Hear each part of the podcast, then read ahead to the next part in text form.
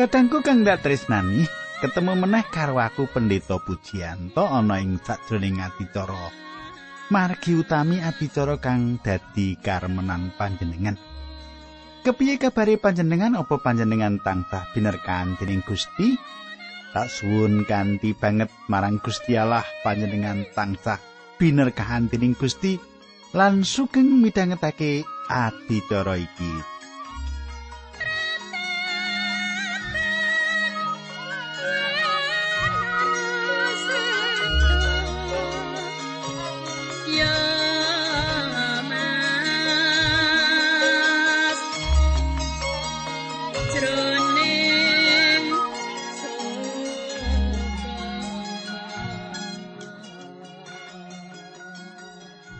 Kadangku tak suwun panjenengan isi kelingan apa sing tak aturake ana ing patemon kita kepungkur. Patemon kepungkur aku wis ngaturake marang panjenengan tekan ngendi Gusti Yesus. Ngilingake marang Petrus nek Petrus bakal ngungkurake bakal nampik Gusti Yesus nganti ping telu sadurunge ayam jagu kluruk esuk. Sadurunge ayam jago kluruk wis ping telu anggone Petrus nyelaki sapa ta Gusti Yesus kuwi. Sabanjure kepiye? Kita bakal terusake ing pepanggihan saiki nanging sadurunge kuwi ayo kita padha ndedonga dhisik. Duh Kanjeng Rama ing swarga kawula nyuwun tuntunanipun Gusti wonten ing papanggihan menika supados menapa ingkang abdi paduka andharaken saestu kangge kaluhuran lan kamulyan paduka kemawon. Supados anak kateng kawula kaberkahan dening paduka dinambaran asmanipun Gusti Yesus Kristus kawula tunggu haleluya amin.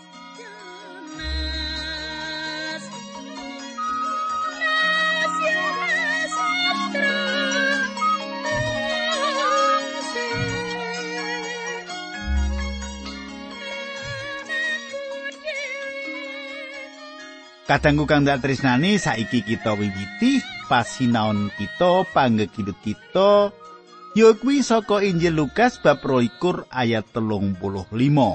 Mengkene surasane.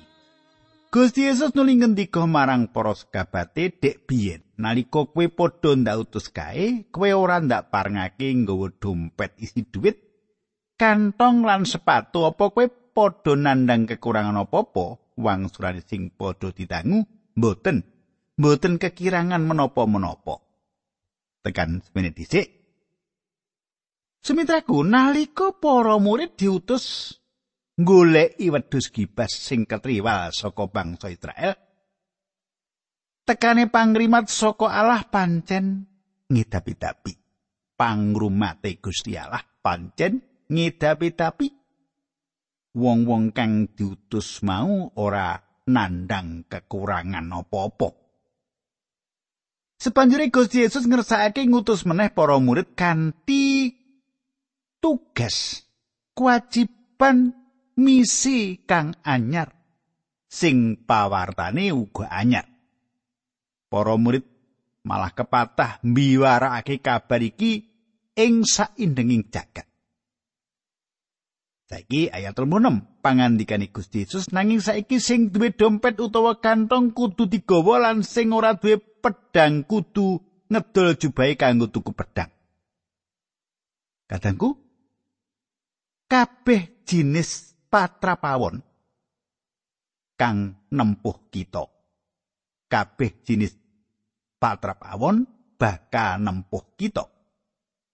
yen panjenengan arep ngabarake Injil panjenengan kudu ngati-ati bab gesang panjenengan dhewe. Panjenengan kudu njogo gesang panjenengan dhewe sumrambai kanggo wong-wong sing panjenengan tresnani. Wektu iki wektu sing ora gampang. Nganti Gusti Yesus ngendika lan sing ora duwe pedang kudu ngedol jubai kanggo tuku pedang. Lire piye? Gene yo kaya ngono. Pedang iki kanggo jaga-jaga nalika semana wong urip kudu duweni pedang. Jalaran yen kita ora nglawan kadurakan manungsa, kadurakan iku bakal mbabat kita. Mengkono.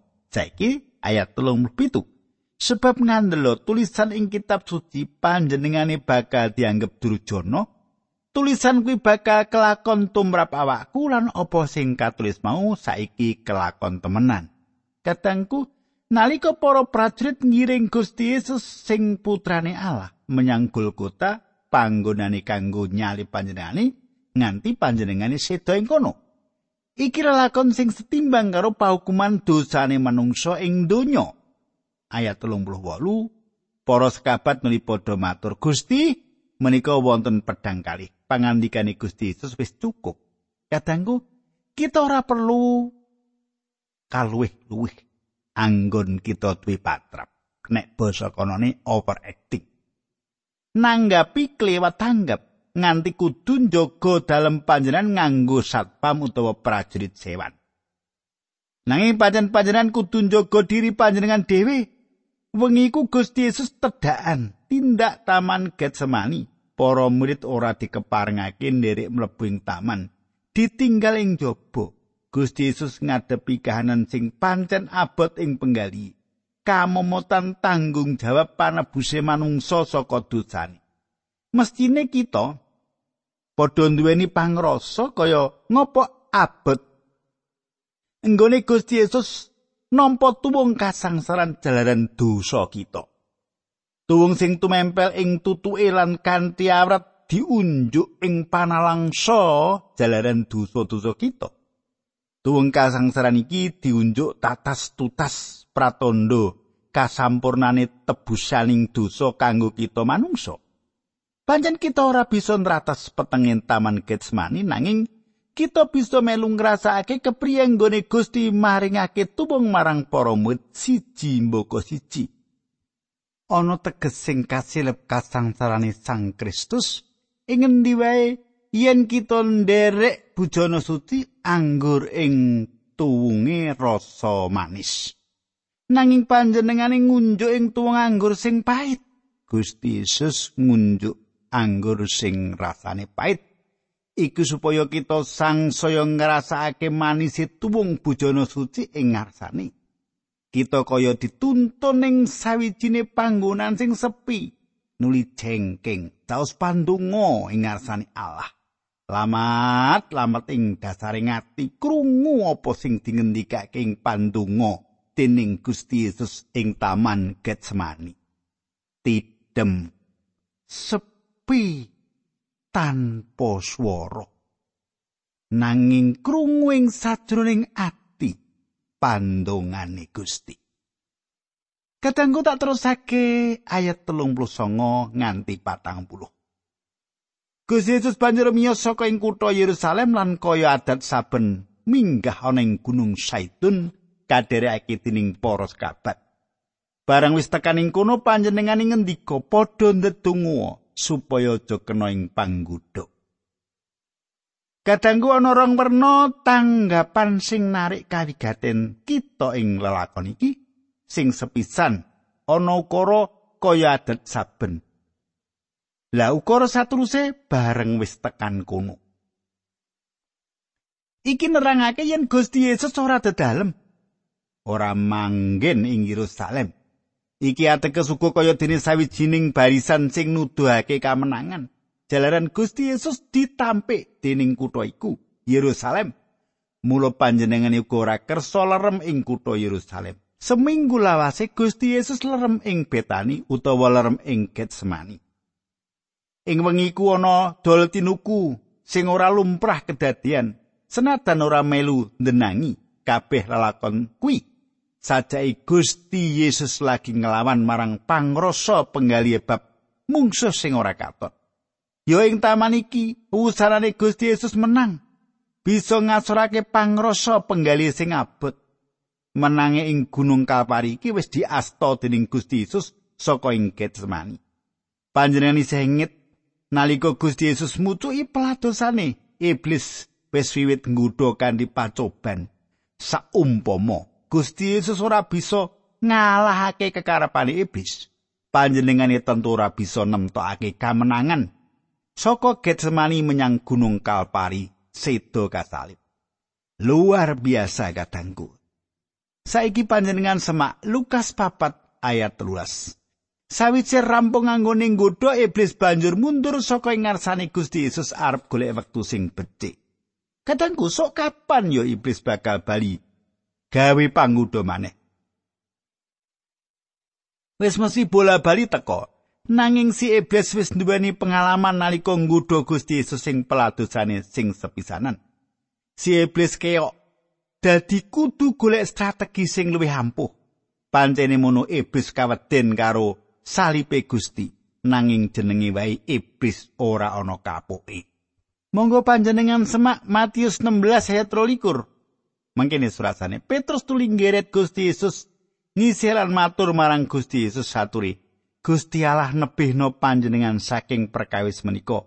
Panjenengan boten pisan-pisan badhe ketaman ingkang kados mekaten Kadangku panjenengan isih kelingan apa jawabane Gusti Yesus marang Petrus coba panjenengan semak ayat 23 Matius 16.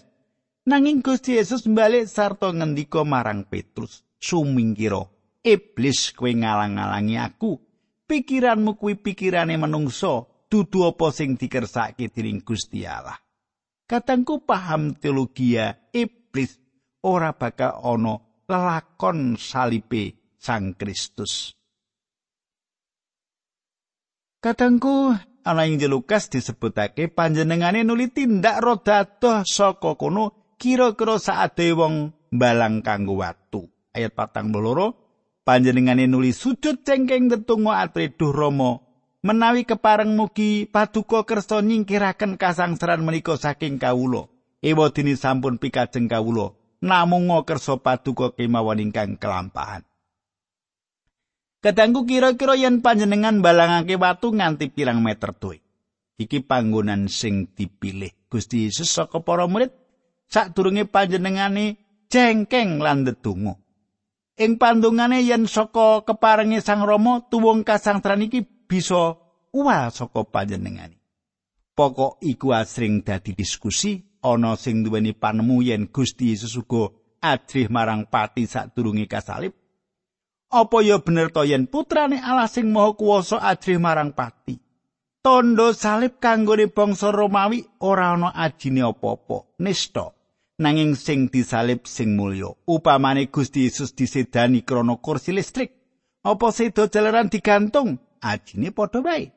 Panjenengane sing sedo sing gedhe ajine. Upamane sedo ing taman Getsemani, ajine aose uga padha dadi korban jalaran dosane para manungsa.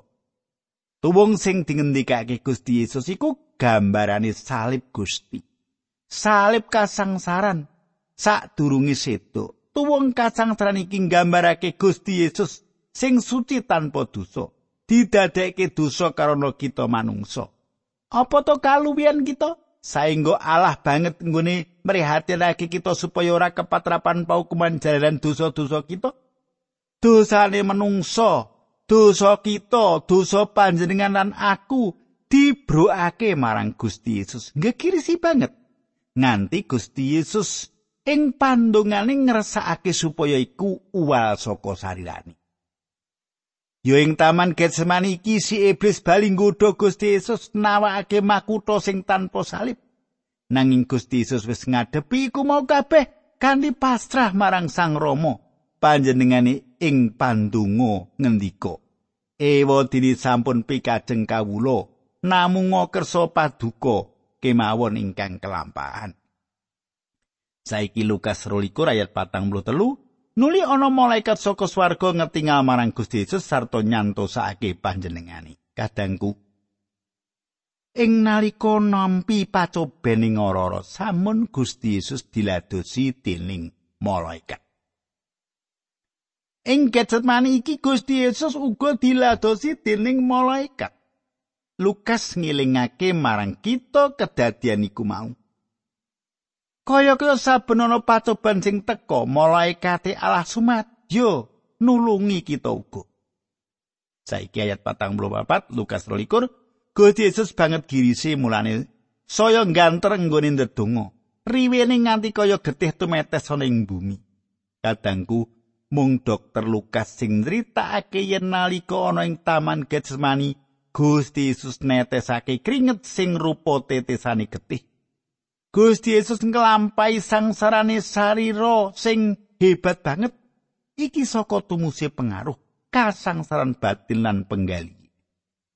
Senajan akeh panemu bab kasangsarane Gusti Yesus ing Getsemani iki tumetes rai Sang Kristus sing birat sakabeh dosa kita, rah sing mili ing salib Golgota. Gusti Yesus banget enggone tresnani donya sing ketriwal iki kanthi manjing ing dasar neraka kanggo nawekake kawilujengan marang manungsa sing dosa. Panjenengan pirsa, apa sikape donya sing ditresnani iki? Nolak. Nampik. Apa panjenengan uga nampik kawilujengan sing ditawakake Gusti Yesus iki? Apa panjenengan ora ngaturake panuwun marang sakabeh pangorbanane kanggo kita? Coba mendelo sawetara. Mendelo sawetara. Sawise ning lan bening penggalih panjenengan. Pirengno suarane pandungane Yesus. Ing Getsemani. Apa panjenengan mireng kasangtran batin sing di alami Gusti Yesus? Apa panjenengan bisa mirsani lan mirengake kanthi batin iline lan suarane tetes-tetes rai Sang Kristus coba. Panjenengan gateke ing telenging batin. Kahanan Getsemani sing sepi ing kono sawetara wit anjir sing ditandur. Nuli pirsanono sing jengkeng ing kono Gusti Yesus kanthi dingklu mustakani. Kanthi ndingklukake mustakane Gusti Yesus krembat kahanan kita sing dosa. Panjenengane Allah sejati tumurun ing bumi dadi kaya kita manungsa. Panjenengane pirsa yen sesuk bakal sedo sawise disiksa lan disalib. Katengku kang dak tresnani saiki tak terusake. Injil Lukas 12 ayat 45. Sawise rampung nggone ndedonga Gusti Yesus tuli muruki para sekabat, para sekabat mau ketemu lagi padha turu marga saka sedih. Tak wacake ayat 46 nganti 48. Gusti Yesus tuli ngendika yo gene kowe padha turu. Tangyo lan ndedonga supaya aja kena ing panggodha. Sajroning Gusti Yesus sing ngendika karo para sekabate mau, ana wong rombongan teka wong-wong mau dirit dening Yudas Yudas nuli marani Gusti Yesus lan ngambung panjenengani. Gusti Yesus ngendika Yudas apa nggonmu ngulungake putrane manungsa srana ngambung iki? Kadangku iki tumindak sing paling ino ing jinise tumindak kianat. Yudas kanthi cara iki dinggo kianat marang Gustine. Licik jijik julik lan nista Yudas nista Yuda. Yudas ngerti panggonane ngendi Gusti Yesus mundhut wektu kanggo ngaso ndedonga lan lerem sawetara. Ya ing papan mau. Si Yudas wis ngerti nggone Yudas kianat marang Gustine. Yesus diambung dening Yudas minangka tandha yen iku gurune sing dipasrahke marang wong-wong mau, para wong dosa. Lukas 12 ayat patang puluh songo nganti seket loro mengkene surasane. Nalika para sekabati Gusti Yesus sing ana ing kono ngerti apa sing bakal kelakon, banjur matur, "Menapa kepareng kawula pedhang kemawon?" Salah sawijining sekabat penuli nyabet abdine mamagung srana pedhang nganti kupingi tengen kaperung, nanging Gusti Yesus ngendika, "Wis mene wae." Kupingi wong sing keperung mau nuli diasta lan diwarasake. Gusti Yesus tuli ngendika marang para pangareping pengawal pedalaman Allah lan para penuntuning wong Yahudi sing wis padha teka ing kono arep nyekel panjenengani. Apa aku kok kira begal kok enggonmu arep nyekel aku nganggo pedang lan pentung? Apa aku rasa bendina ana ing pedalaman suci karo kowe? Ya gene aku ora kok cekel ana ing kono, nanging pancen wis tekan wektumu lan wektune pangwasane pepeteng tumindak. Katanggu para murid nganggep yen wektu iku wektu sing apik kanggo nggunakake pedhang. Nanging wektu iku wektu kagem Gusti Yesus tindak menyang salib dadi dudu wektu kanggo nggunakake pedhang. Pedhang mung kanggo njaga dirine para murid nalika Gusti Yesus wis ora ana. Pepeteng lan padang ketemu ana ing salib. iki Lukas 22 ayat 54. Bareng Gusti Yesus wis dicekel banjur dirit menyang omahe Imam Agung, Petrus ngetutake saka kaduhan. Kadangku mbebayani tumrap wong sing nderekake Gusti mung saka kaduhan. Iku sing ditindakake dening Petrus. Gusti Yesus dicekel lan digawa ngadep marang Kayapas, Imam Agung sing disetujoni dening Romawi. Kudune Hana mara tuane lanang Kayapas sing miturut hukume Musa duweni hak dadi Imam Agung. Miturut Injil Yohanes, Yesus digawa ngadep marang Hana. sing ing kono ana kumpulan mahkamah agama Yahudi. Petrus ngetut mburi Gusti Yesus saka kaduan lungguan karo kumpulane wong sing ora kena. Ayat 55 nganti 57. Wong-wong padha gawe bediyang ana ing tengahing plataran lan banjur padha lungguh ngubengi bediyang mau. Dene Petrus tuli melu lungguh ana ing kono. Salah sawijining abdi wadon weruh Petrus banjur ditamatake nuli muni. Wong kuwi gajeke ya sekabate Yesus. Nanging Petrus selak unine aku ora wanuh babar pisan karo wong kuwi. Katanggo ing pengadilan lagi rame-ramene padha nyenyamah Gusti Yesus. Sawetara iku Petrus ana ing tengahe ramene wong sing ing kono akeh pacoban sing diadepi. Ana batur wadon sing takon marang Petrus sing nyebabake Petrus mungkiri yen kenal karo Gusti Yesus. Petrus rumangsa isin diarani dadi pandereke Gusti Yesus. Apa panjenengan tau duweni pengalaman sing padha karo Petrus? Panjenengan apa tiang Kristen? Ah, boten gitu. Lukas rolikur ayat seket wolu nganti seket songo mengkini surasane. Ora lesuwe ana wong liyane sing weruh Petrus nuli muni kowe uga sekabati. Nanging Petrus mangsuli dudu, aku dudu. Kira-kira let sak jam ana wong liyane meneh sing muni seru pancen wong kuwi sekabate Yesus sebab dheweke ya wong Galilea. Kadangku Petrus pancen akeh wicarane. Mula nalika pindah saka sepanggunan karo batur wadon mau enggal dingerteni meneh yen dheweke wong Galilea. Saka aksen wicarane nuli Petrus ngaku ora kenal meneh karo Gusti Yesus. Saiki Lukas 12 ayat 1 nanging Petrus mangsuli Kowe kandha apa? Aku ora ngerti sing kok kandhake kuwi. Sanalika iku go sakjroning Petrus isih guneman ana jago kluruk. Kadangku, senajan Petrus wis gagal dadi panere Gusti nanging dheweke ora mundur. Dadi ora ilang saka pangayunani yen gagalan ucul saka astane Gusti. Mesti bakal ilang kaya Yudas. Banjur kepriye kedadiane? Coba panjenengan semak. Lukas 12 ayat 1 nganti dak loro. Mengkene surasane. Gusti Yesus to moleh lan mirsani Petrus, Petrus banjur kelingan marang pangandikane Gusti. Ing dina iki sadurunge jago kluruk kowe bakal nyilaki aku ping telu. Petrus banjur metu saka ing kono lan nangis keloro-loro. Kadangku pancen Simon Petrus tresno marang Gusti Yesus. Lan kanthi jujur dhewekne janji bakal setya tuhu marang gurune. Petrus gelo lan nelongso atine nuli nangis sesenggukan. Nangis jalaran mertobat. Dosa sing digetuni nuli mertobat Gusti Yesus ora bakal nolak baline. Kadangku coba saiki disemak siji Yohanes siji ayat jongo. Nanging menawa kita padha ngakoni dosa-dosa kita marang Gusti Allah, panjenengane bakal netepi janjine lan tumindak adil, temah bakal ngapura saking dosa kita sarta ngresiki saking piolo kita. Kadangku Petrus padha karo Yudas. Yudas ngedol Gustine yen Petrus nyelaki gurune sing karo-karone Yesus Kristus dadi juru wilujeng. Bedane Petrus martobat ning Yudas ora. Sumitraku tak pungkasi semene dhisik, ayo padha ndedonga. Kanjeng Rama ing swarga kawula ngaturaken gunging panuwun kawula sampun ngedum berkah pangandikan paduka dumateng sanakateng kawula menika. Kula nyuwun patuko nuntuni kawula linambaran asmanipun Gusti Yesus Kristus. Kawula nyuwun supados pangandikan patuko menika dados landesan gesang kawula kami. Haleluya. Amin.